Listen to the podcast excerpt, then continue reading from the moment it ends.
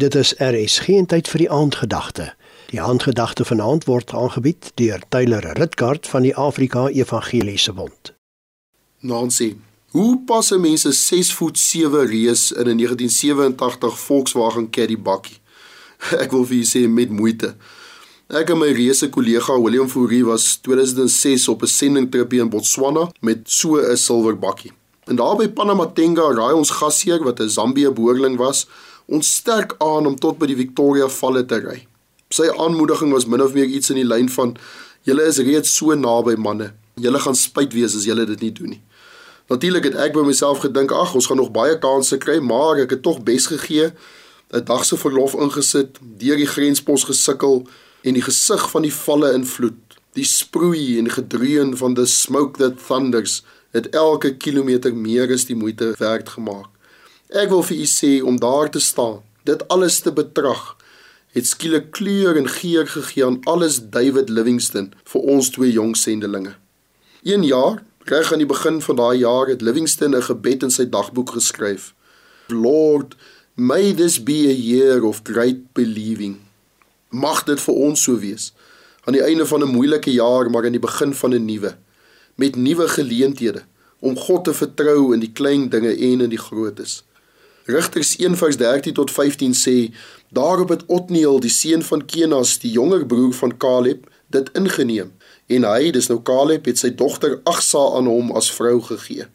En toe sy aankom, het sy hom aangespoor om van haar vader 'n stuk grond te vra. En toe sy van die esel afklim, sê Caleb vir haar: "Wat wil jy hê?" En sy sê vir hom: "Gee my tog 'n geskenk omdat u my na 'n dor land versit het, moet u vir my waterfonteine gee. Toe gee Caleb haar fonteine op die hoogte en fonteine in die laagte. Agsa het haar pa geken. Sy weet wat hy met die Hebron reuse gemaak het. Caleb was 'n man van geloof.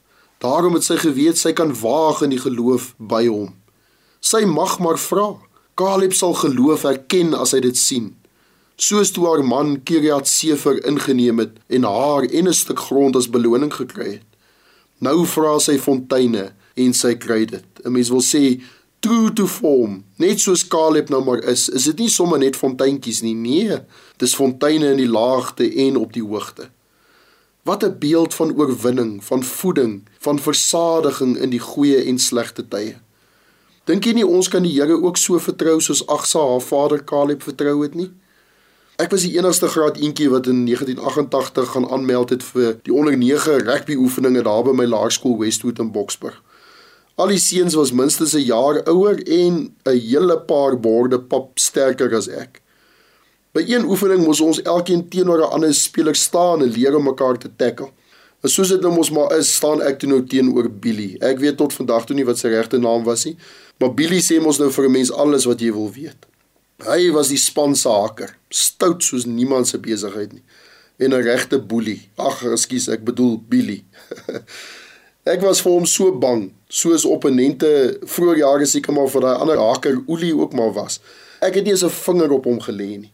As dit sy beurt was om my te tackle, het hy my getackle dat ek huk. Tot ons afrigter my eendag maar aangeraai het om liewer volgende jaar weer te probeer en ek is kop onderste bo en drypsterk daar weg. Nou dink ek terug en ek wens ek het nog 'n kans gehad om hom te duik. Ek sou. As ek toegeweet het wat ek nou weet, sou ek hom geloop het. Liewe vriend, moenie dat volgende jaar so 'n jaar wees nie. Vertrou die Here vir fonteine op die hoogte en in die laagte.